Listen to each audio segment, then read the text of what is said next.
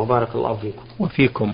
هذا السائل عين عين مين استعرضنا سؤالا له في حلقة سابقة. بقي له هذا السؤال. يقول نعم. والدتي لا تصلي إلا في رمضان ونصحتها كثيرا بالمداومة على, دا على أداء الصلاة وذلك من خلال الأشرطة الدينية والكتيبات والأحاديث من ترغيب وترهيب وجميع شتى الوسائل. ولكن ولكنها لا تستجيب لهذا النصح. وتقول بأن عملي في البيت لا يسمح لي لأنني ربة بيت ولا يوجد من يساعدني في متطلبات المنزل من أمور الطهي والغسيل والكي إلى آخره. وربما لا تصلي إلا أثناء وجودي وعند سفري تتهاون وتترك بعض الأوقات من الصلاة. ما توجيهكم شيخ محمد؟ وتوجيهكم أيضا لي أنا ماذا أفعل معها؟ هل أقاطعها؟ وأترك مراسلتها. الحمد لله رب العالمين وصلى الله وسلم على نبينا محمد وعلى آله وأصحابه ومن تبعهم بإحسان إلى يوم الدين. نصيحتي لهذه المرأة أن تتقي الله عز وجل وأن تقوم بما أوجب الله عليها من الصلوات الخمس في أوقاتها. لأن من ترك الصلاة بلا عذر فإن فإنه يكون كافرا مرتدا عن دين الإسلام. وإن تركها لعذر حتى خرج وقتها مثل النوم والغفلة أي النسيان فإنه يصليها متى ذكرها ومتى استيقظ. أقول لهذه المرأة اتق الله في نفسك. فإنك إن مت على ترك الصلاة مت كافرة. وحشرت مع فرعون وهامان وقارون وأبي بن خلف. وحرم الله عليك الجنة.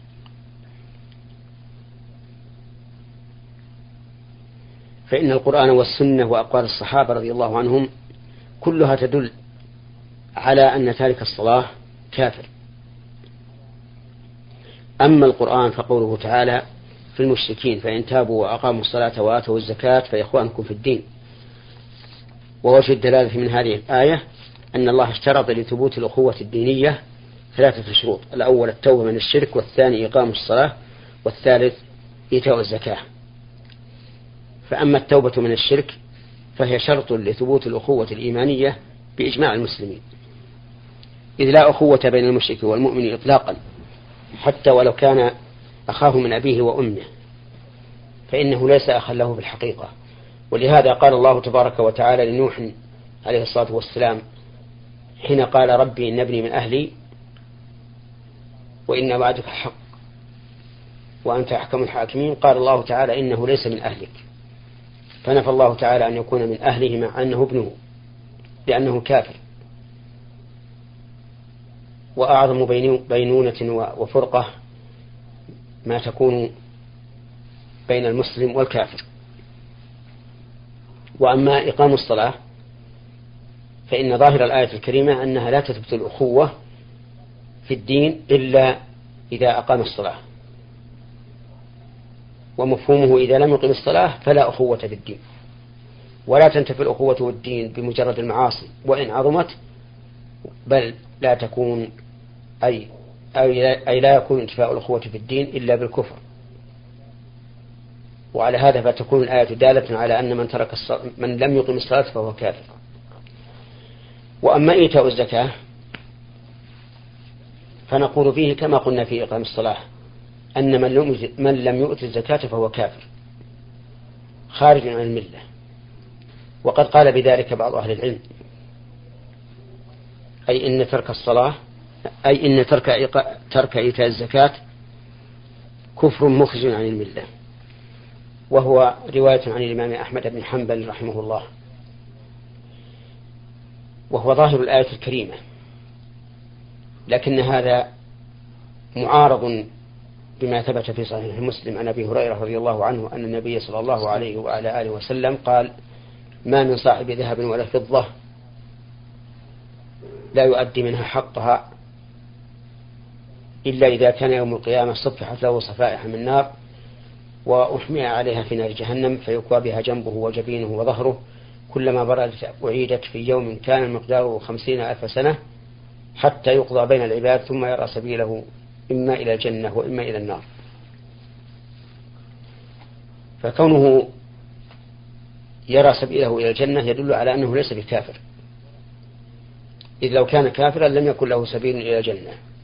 وعلى هذا فيكون إخراج إيتاء الزكاة من هذه الآية الكريمة ثابتا بالسنة. وأما دلالة السنة على كفر تارك الصلاة فقد ثبت في صحيح مسلم عن جابر بن عبد الله رضي الله عنهما أن النبي صلى الله عليه وعلى آله وسلم قال بين الرجل وبين الكفر والشرك ترك الصلاة. وفي السنن عن بريدة بن حصيب رضي الله عنه أن النبي صلى الله عليه وعلى آله وسلم قال العهد الذي بيننا وبينهم الصلاة فمن تركها فقد كفر. وأما أقوال الصحابة فقد نقل عبد الله بن شقيق وهو من التابعين المعروفين عن أصحاب النبي صلى الله عليه وسلم أنهم لا يرون شيئا من الأعمال تركه كفر إلا الصلاة ونقل إجماعهم إسحاق بن راهوية. أي إجماع الصحابة على أن تارك الصلاة كافر. وهناك دليل رابع يدل على كفر تارك الصلاة. وهو الدليل النظري. فإنه ليس من المعقول أن يحافظ الإنسان على ترك الصلاة مع عظمها وبيان وشرف مرتبتها في أركان الإسلام.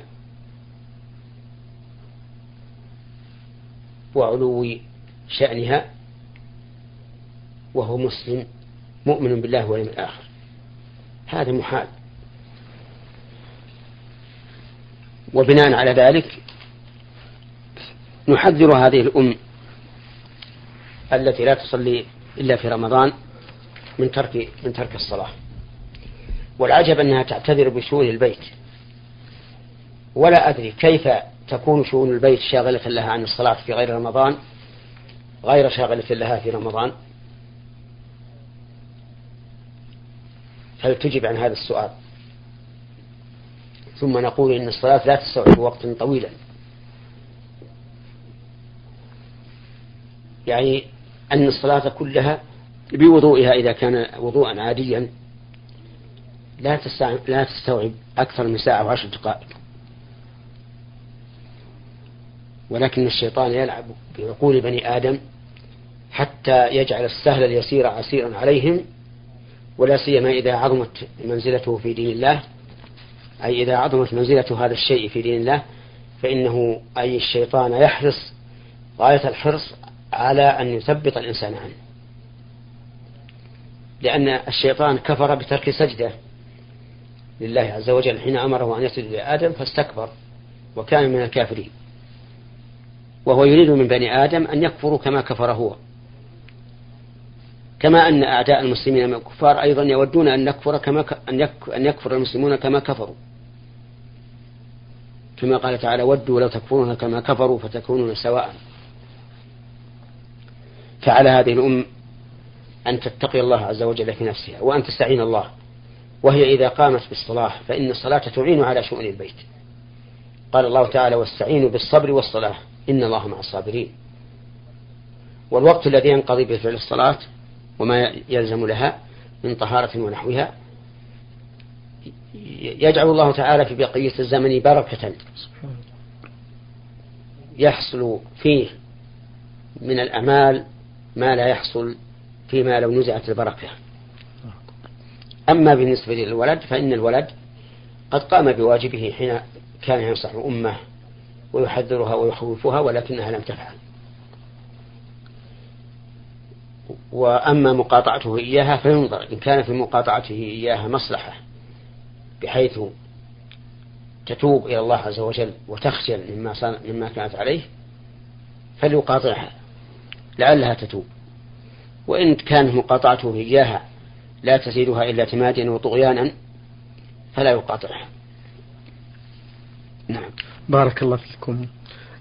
ننتقل إلى رسالة بعثت بها السائرة السائلة سميرة أحمد تقول تذكر بأنها فتاة تبلغ من العمر التاسعة عشرة تقول مشكلتي بأنني قبل سبع سنوات قد مرضت وكان ذلك في أول شهر من رمضان ونتيجة لذلك المرض أجريت عملية ولم أصم من الشهر إلا حوالي خمسة أو ستة أيام فأنا لا أدري كم بالتحديد لصغر سني في ذلك الوقت فهو أول شهر يجب علي الصوم فيه فهل يجب علي صوم الشهر كامل متتالي دون انقطاع أو تفرق؟ وهل أصوم ذلك أو أترك الأيام التي ظننت أنني صمتها؟ وجهوني في ضوء هذا السؤال. الأيام التي التي صامتها لا يجب عليها قضاؤها لأنها وقعت موقعها وأجزأت. والأيام التي يغلب على ظنها أنها لم تصومها يجب عليها أن تقضيها. متتابعة. لأنها أخرت القضاء. وإن صامتها متفرقة فلا شيء عليها لا سيما مع مشقة التتابع عليها. ونصيحتي لها ولغيرها ممن يسمع أن لا يتهاونوا في سؤال أهل العلم. فيؤخر السؤال إلى سنوات. نعم. بل الواجب على الإنسان أن يسأل أولا قبل أن يعمل ليتبين له ما, لا ما يجوز له من العمل وما لا يجوز وما يجزئ وما لا يجزئ حتى يعبد الله على بصيرة. ثم إذا قدر أنه فعل بدون سؤال وتبين أن في عمله خللا فإن الواجب عليه أن يبادر بسؤال أهل العلم وألا يتأخر لأن التأخير له آفات. قد يمرض الإنسان ولا يستطيع فعل ما فاته وقد يموت.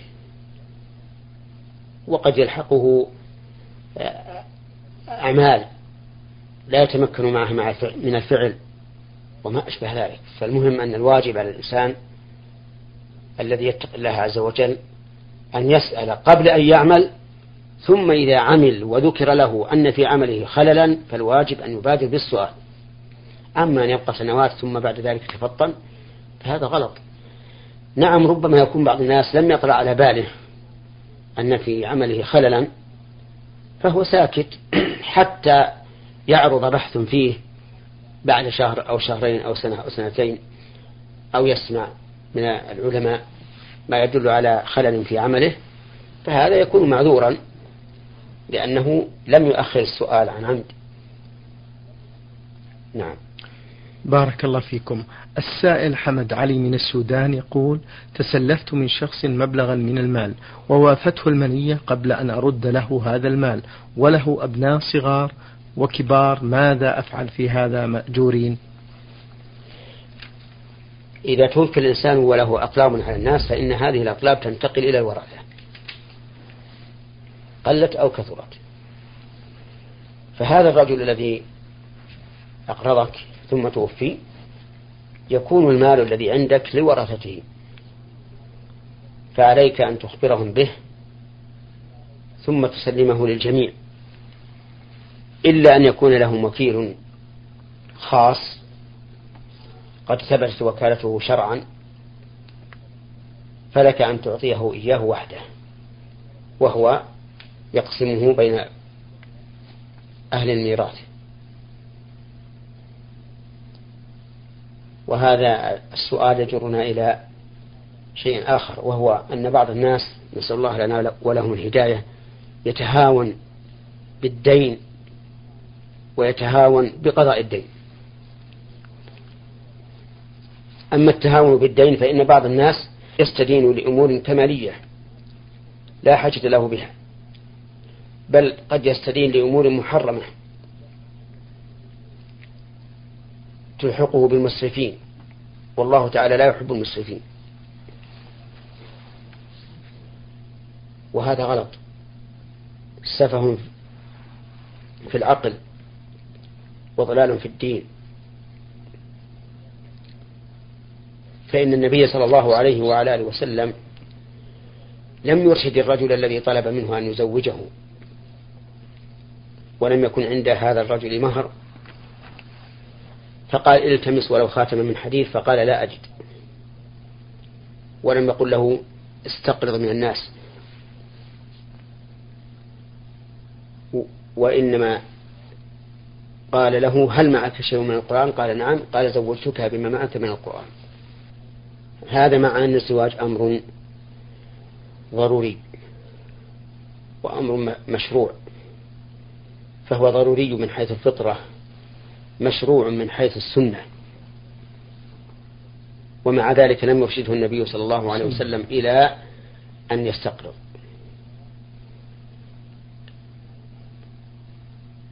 وبعض الناس يستهين بالدين من حيث القضاء فتجده قادرا على الوفاء لكنه يماطل ويقول لصاحب الحق ائتني غدا. وإذا جاء قال أتني غدا وإذا جاء قال أتني غدا حتى يمل صاحب الحق. وربما يدعو صاحب الحق حقه لكثرة الترداد على من عليه الحق. وربما لا يتيسر له أن يرفع الأمر إلى المحاكم. إما لكون الشيء زهيدا أو لقرابة بينه وبين المدين. يخشى أن تنقطع الصلة بينهما إذا رفعه إلى الحاكم أو لكون الحاكم لا يحكم إلا بالهواء فيضي حقه. ثم إن المتهاون بقضاء الدين إذا مات بقيت نفسه معلقة بالدين حتى يقضى عنه. والمبادرة بقضاء الدين عن الميت في وقتنا هذا قليلة جدا. أكثر الورثة والعياذ بالله إذا مات صاحبهم الذي ورثهم المال والمال كان ماله. فإذا مات وعليه الدين تباطأ الورثة في قضاء الدين. وتواكلوا. كل يكل الأمر إلى الآخر. فتنعموا بالمال وصاحبه شقي فيه في قبره. وهذا حرام عليهم. ولهذا قال العلماء رحمهم الله يجب على الورثة الإسراع في قضاء الدين. حتى قال بعضهم ينبغي أن يقضى دينه قبل أن يصلى عليه. لأن النبي صلى الله عليه وسلم كان قبل أن يفتح الله عليه بالمال إذا قدمت إليه الجنازة وعلى الميت دين ليس له وفاء تأخر عن الصلاة عليه. فقدم إليه رجل ذات يوم فلما خطى خطوات قال هل عليه دين؟ قالوا نعم يا رسول الله ديناران. فتأخر وقال صلوا على صاحبكم. فقال أبو قتادة يا رسول الله الديناران علي. قال حق الغريم وبرئ منه الميت. قال نعم يا رسول الله. فتقدم وصلى عليه. وهذا يدل على أهمية الدين. فنصيحتي لإخواني أولا أن لا يتهاونوا بالدين ابتداء وأن يسددوا ويقاربوا وأن لا يحاولوا أن يكونوا كالأغنياء في مآكلهم ومشاربهم وملابسهم ومواطنهم ومراكبهم. لظهور الفرق بين الغني والفقير. وأن يقتصروا على ما تدعو الضرورة إليه فيما يستدينونه من الناس. وأقول على ما تدعو إليه الضرورة دون ما تدعو إليه الحاجة. لأن الإنسان إما أن يستدين لحاجة أو لضرورة أو لإسراف. فليجتنب الاستدانة للإسراف وللحاجة ولا يستدن إلا للضرورة. ومرادي بالاستدانة هنا ليس الدين المعروف عند الناس والذي هو تلاعب بأحكام الله عز وجل فيما يعرف عندهم بالدين. ولكن المراد بذلك الدين الحلال الذي دلت السنة على جوازه. فلا يستدن إلا إذا دعت الضرورة إلى ذلك وإلا فليستعفف وليقتصر على أدنى ما يسد ضرورته وإذا أغناه الله عز وجل فليفعل ما يليق بحاله. فإنه أيضا من التطرف أن يكون الغني كالفقير في مأكله ومشربه وملبسه ومسكنه ومركبه. ومن التطرف أيضا أن يكون الفقير كالغني يحاول أن يلحق بالغني. فكلاهما محظور. فإن الله تعالى يحب إذا أنعم على عبده نعمة أن يرى أثر نعمته عليه. وفق الله الجميع لما فيه الخير. اللهم آمين. بارك الله فيكم. هذا السائل آه، أخوكم أحمد من اليمن له مجموعة من الأسئلة. يقول هل التدخين محرم أم أنه مكروه؟ وهل على البائع إثم؟ نرجو بهذا إفادة. التدخين محرم محرم بدلالة القرآن والسنة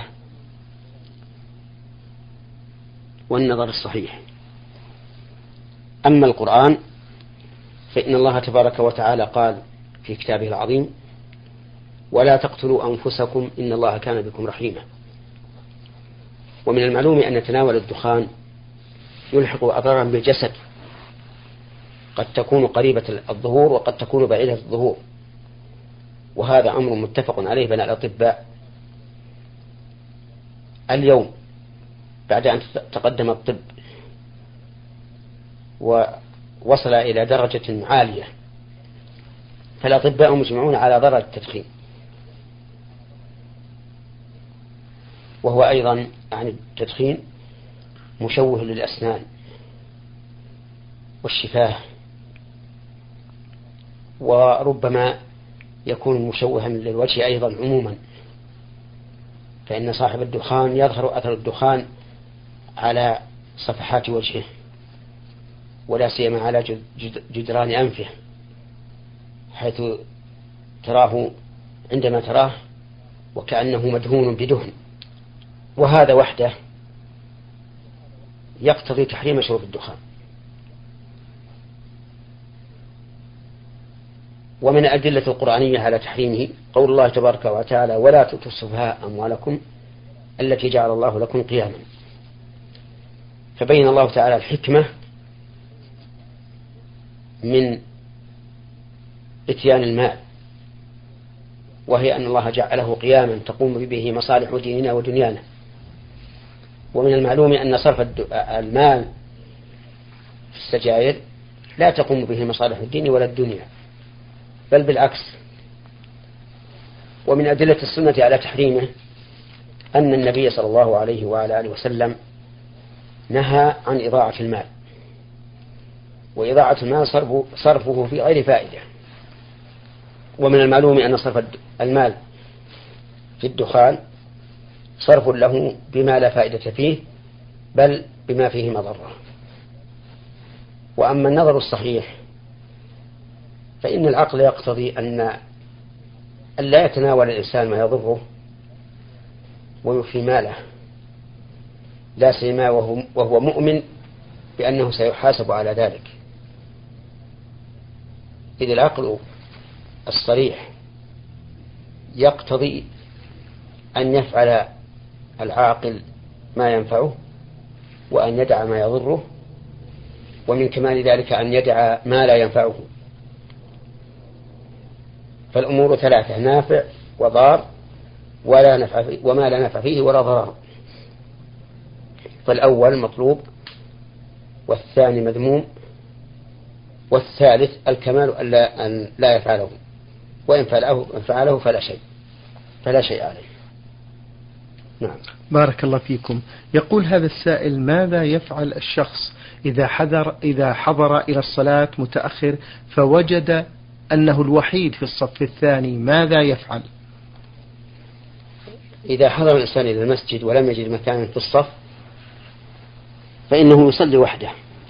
يعني يصلي خلف الصف تبعا للإمام. ولا حرج عليه في ذلك وصلاته صحيحة. وذلك لأنه أتى بما يقدر عليه من الواجب. وقد قال الله تبارك وتعالى لا يكلف الله نفسا إلا وسعها.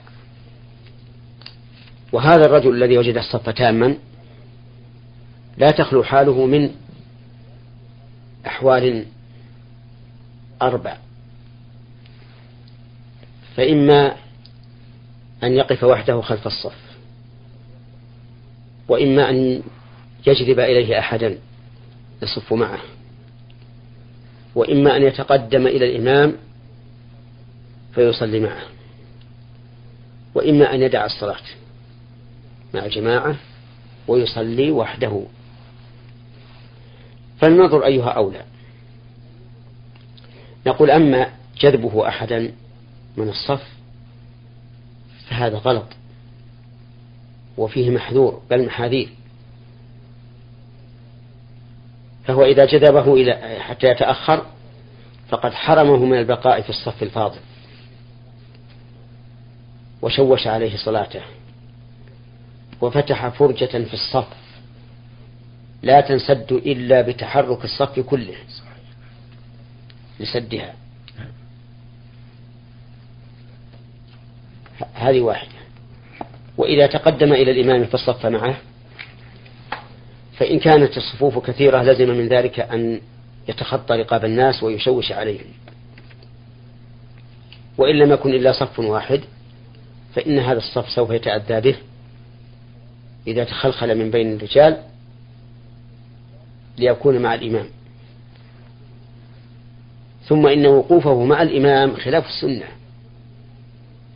إذ أن السنة أن يكون الإمام وحده في صفه.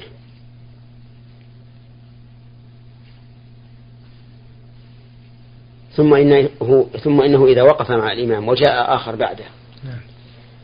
وقلنا له تقدم وكن مع الإمام. صاروا ثلاثة. ثم إذا جاء آخر صاروا أربعة ثم إذا جاء آخر صاروا خمسة. وهكذا حتى يبقى الإمام وكأن لا إمام في هذه الجماعة. لكن بقي عندنا الآن حالان الحالة الأولى أن يدع الصلاة مع الجماعة وهي الحالة الثالثة بالنسبة للمجموع. نعم. وحينئذ تفوته فضيلة الجماعة. وإما أن يقف وحده في الصف متابعا لإمامه وحينئذ يدرك الجماعة وتفوته المصافة لأنه عاجز عنها. وقد قال الله تبارك وتعالى لا يكلف الله نفسا إلا وسعها. وقال تعالى فاتقوا الله ما استطعتم. وهذا الذي قلته هو القول الراجح وهو اختيار الشيخ الإسلام ابن تيمية رحمه الله وشيخنا عبد الرحمن بن ناصر بن سعدي رحمه الله. وهو أيضا مذهب الأئمة الثلاثة ورواية عن الإمام أحمد. بل إن مذهب الأئمة الثلاثة أنه لو صلى وحده ولو مع بقاء مكان له في الصف فإن صلاته صحيحة. وحملوا قوله صلى الله عليه وسلم لا صلاة لمنفرد خلف الصف على نفي الكمال. لكن الصواب أن المصافة واجبة وأن من صلى وحده منفردا خلف الصف وهو يمكنه أن يقوم في الصف فإن صلاته باطلة وعليه الإعادة. لكن إذا كان بعذر كتمام الصف فإنه يسقط يسقط عنه وجوب المصافة. شكر الله لكم من فضيلة الشيخ وبارك الله فيكم وفي علمكم ونفع بكم المسلمين. أيها الإخوة الأحباب أيها الإخوة المستمعون الكرام أجاب على أسئلتكم